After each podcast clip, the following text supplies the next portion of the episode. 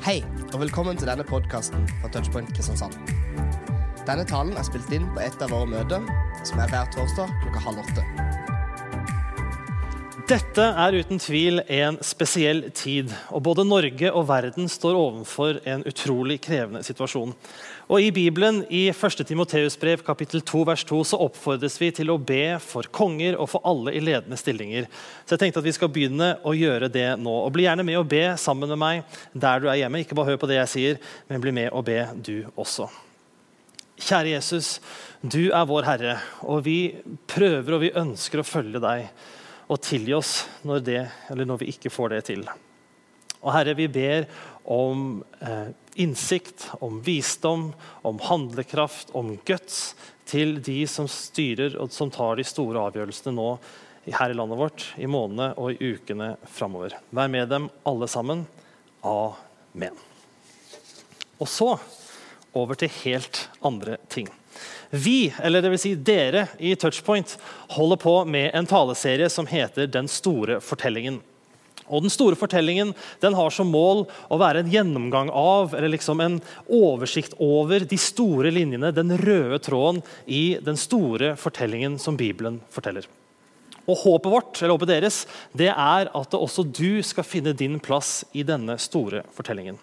Og Foruten Bibelen så er det spesielt én bok som har vært til stor hjelp og inspirasjon. og Det er en kar som heter D.A. Carson, som har skrevet en bok som heter 'The God Who Is There'. Og Dersom du ønsker å gå litt mer i dybden på de temaene som tas opp i denne serien, så vil jeg anbefale deg å kjøpe den. Eh, en av mine helter, som heter Tim Keller, eh, han, sin anbefaling av denne boken er 'Get This Book'. Så løp og kjøp. Foreløpig så ligger det tre taler i denne serien ute på nett. du kan finne på podcast. Den første talen handler om skapelsen og menneskets fall, eller syndefallet. Den andre talen handler om lov og pakt, altså to av de mest sentrale elementene, sentrale temaene i Det gamle testamentet. Og den tredje talen handler om Gud som regjerer. Og dagens tema det er rettferdiggjørelse. Og Hvis du tenker dritt, liksom, dette her blir noe tørre greier, så slapp helt av. Det blir mye verre enn tørt. Men jeg lover at det skal ende godt til slutt.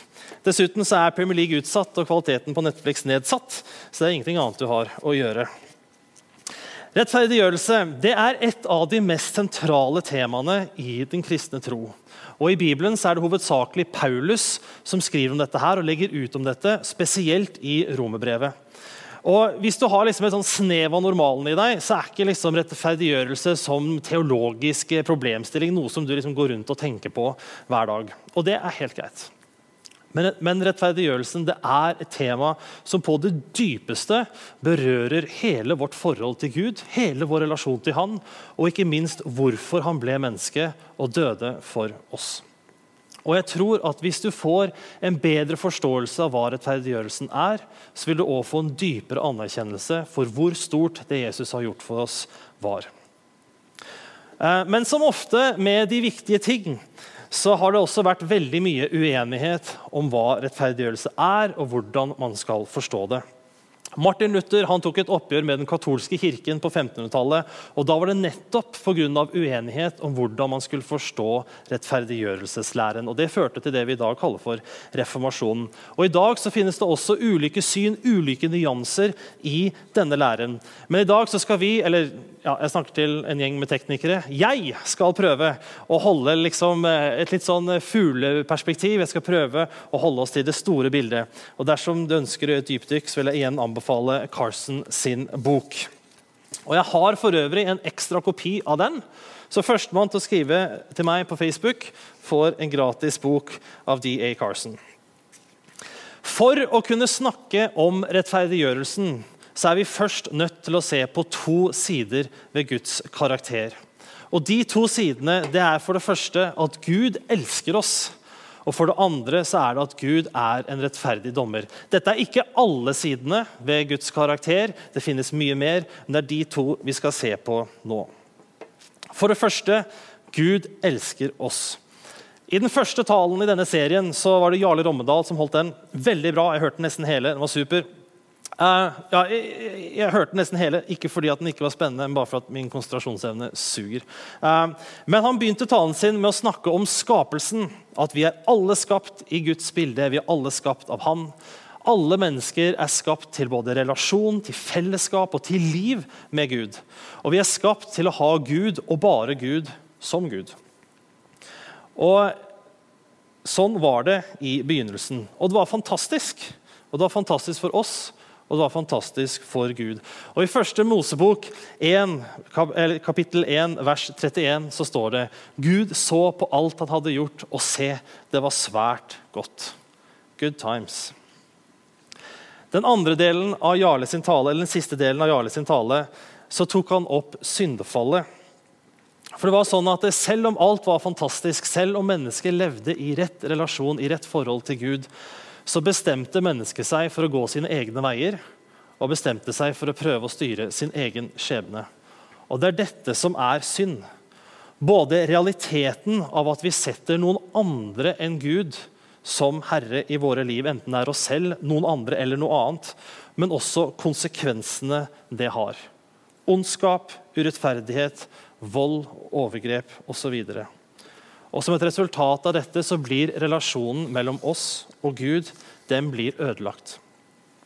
Men selv om vi i våre liv avsetter Gud, og alle gjør dette her, kristne og ikke-kristne, til, til ulik, i ulik grad så gjør vi alle dette her. Og vi setter oss selv eller noe annet øverst. Og Selv om vi gjør dette her, selv om relasjonen vår med Gud er brutt, så elsker Gud oss fremdeles. Og resten av Bibelen, fra første Mosebok kapittel 3 og utover, utover hele den store fortellingen, så handler det om Guds søken etter å få oss tilbake. Det handler om Guds på en måte, quest etter å gjenopprette forholdet mellom oss og han. Gud elsker oss, og det er både riktig og viktig, men det er ikke alt. Gud er også en rettferdig dommer. Gud er ikke en gud som ser på synd og ondskap og tenker ja, ja, dette kunne gått bedre. Gud er ikke en gud som ser på de verste ting som skjer, og tenker ja, ja, liksom, det var dumt, men sånn var det. Han er ikke likegyldig når det kommer til ondskap og synd. Tvert imot så hater han synd. Han elsker synderen, men han hater synden. Han kan ikke fordra at vi dreper hverandre. Gud kan ikke fordra at det begås overgrep mot barn. Gud kan ikke fordra at det finnes strukturer i samfunnet vårt som undertrykker mennesker, og som gir dem mindre verdi enn han har skapt dem med. I Romerne 1, 18 så skriver Paulus om Guds forhold til synd og ondskap. Og Der står det Guds vrede åpenbares fra himmelen over all ugudelighet og urett hos mennesker som holder sannheten nede i urett. Guds vrede over synd og syndere den er fryktelig. Den er brutal. og Vi skal straks se på et bilde, uh, et bilde av det. Den er også grundig. Det er ingenting som slipper unna. Når Gud dømmer synd og syndere, så er det ikke sånn at han bare tar tak i det verste. Det er liksom ikke bare krigsforbryteren og de som begår folkemord. Men det er den lille løgnen. Den tas også. Han er grundig. Og til slutt så er han endelig. Det er Guds rettferdige dom over synd og syndere. Den er fryktelig, den er grundig, og den er endelig. I Johannes' åpenbaring, som er den siste boka i Bibelen eh, når jeg ble kristen som 19-åring, så var dette her den første hele boka i Bibelen jeg leste. og Jeg kan eh, av erfaring si at det er en dårlig idé. For denne boken, og dette her er helt sikkert eh, ikke helt sånn teologisk innafor, men det er jo et kaos av en bok. Den er full av liksom bilder og metaforer, og alt er en åpenbaring. og Det er liksom det er engler og basuner og skjøger og udyr og plager. og Det er fryktelig voldsomme greier. Men det denne boken gjør, er å gi oss et bilde på de siste tider når Jesus kommer igjen og Guds dom over synden skal fullendes eller liksom realiseres. Og Det er ikke fine, koselige bilder som males. Og Vi skal se på et av de nå. I Johannes' åpenbaring kapittel 14 så gis det et bilde på Guds vrede og dom. Den skal ikke forstås bokstavelig, men vi leser den sammen. Engelen lot sigden gå over jorden, høstet ruene på jordens vinmark og kastet dem i Guds vredes store vinpresse. Utenfor byen ble vinpressen tråkket, og blodet fløt fra vinpressen så det sto opp til bisselet på hestene hele 16 stadier unna. Som sagt, ikke et fint og koselig bilde. Druene i denne teksten her, det er vi mennesker som står under Guds dom. Og vinpressen, altså En vinpresse det var en slags eh, beholder, gjerne av mur, som man helte vindruer oppi. og Så gikk man oppi sjøl, trampet de ned, og så lå det et filter i bunnen som gjorde at vin, druesaften kunne liksom flyte ut, mens drueskallene ble igjen. Og Det står altså at vi kastes oppi denne vinpressen og tråkkes ned. Og så står det at det skal renne så mye blod at om du står 300 km unna Det er liksom herfra, Misjonskirken eh, Randesund, eh, til Haugesund. Eh, så vil blodet stå opp til halsen på en hest, eller opp til liksom, bisle, snøringen på hodet til hesten. Jeg har bare lyst til å understreke igjen at dette skal ikke forstås bokstavelig. Samtidig så understreker det hvor voldsom Guds vrede over synd og syndere er. Og det sier noe om hvor alvorlig synd er, som fortjener denne dommen. Og vi som syndige mennesker vi står i utgangspunktet under denne dommen, for vi er skyldige. Og nå er jeg nødt til å ta en liten sånn parentes. Fordi For noen, kanskje mange, så oppleves dette her som rett og slett for voldsomt. Mennesker har forlatt troen pga. bilder som dette her. Eller mennesker har ikke kommet til tro pga. beskrivelser sånn som dette. For, for noen så blir det for vanskelig å måte, fastholde Gud som, som, kjærlig og som tilgivende, som nådig, som tilstedeværende, som trøstende, samtidig som han er denne dommeren som dømmer så voldsomt. Kan Gud være god, liksom? er jo en vanlig innvending. Og Alle disse spørsmålene og innvendingene de har vi ikke tid til å svare på i denne talen. her, Men den største og den viktigste den tar vi. Men hvis du sitter og hører på dette her og opplever at dette, her, dette er skikkelig vanskelig, dette her går faktisk på troa løs, så har jeg to råd som er knallgode. som jeg har lyst til å gi deg. Og det første det er å legge det du kjenner på, fram for Gud. Han tåler det. Det å være sint på Gud, det å være frustrert og fortvila og det å være lei seg, det er fryktelig bibelsk når man legger det fram for Gud. Og det andre det er å dele det med noen andre. Ta kontakt med pastoren din. Eh, eller hvis du har noen kristne venner, prat om dette her. I verste fall så finner de nok ut at du ikke står alene. Eller hvis du vil, så kan du ta kontakt med meg på Facebook. Jeg holder denne talen, og jeg skal, eh, jeg skal ansvarliggjøre meg selv for å svare på de spørsmålene som kommer som følge av den. Så er du ikke glad du tuna inn i kveld og hører om dom og død. Men jeg kan love deg at herfra så går det bare oppover. For nå, endelig, så kommer vi til det som er tema for talen, etter at mesteparten er gått gjennom, og det er rettferdiggjørelse. Fordi Gud elsker oss, og han er en rettferdig dommer. Og dette setter Gud i en knipe. Fordi Han vil ikke at vi skal gå fortapt. Altså, han vil ikke at vi skal havne i vinpressen. Han elsker oss jo. Samtidig så vil han jo ikke la være å dømme synd og syndere. Han er jo rettferdig. Så hva blir løsningen? Hvordan kan han utøse sin vrede over synd og ondskap, men samtidig bevare synderen? Og svaret, det er rettferdiggjørelse. Og det er at Gud blir menneske, Jesus. Og det er at Jesus som den eneste noensinne har Gud, og bare Gud, som Herre. Og, Gud, og Jesus han er den eneste som er uten synd.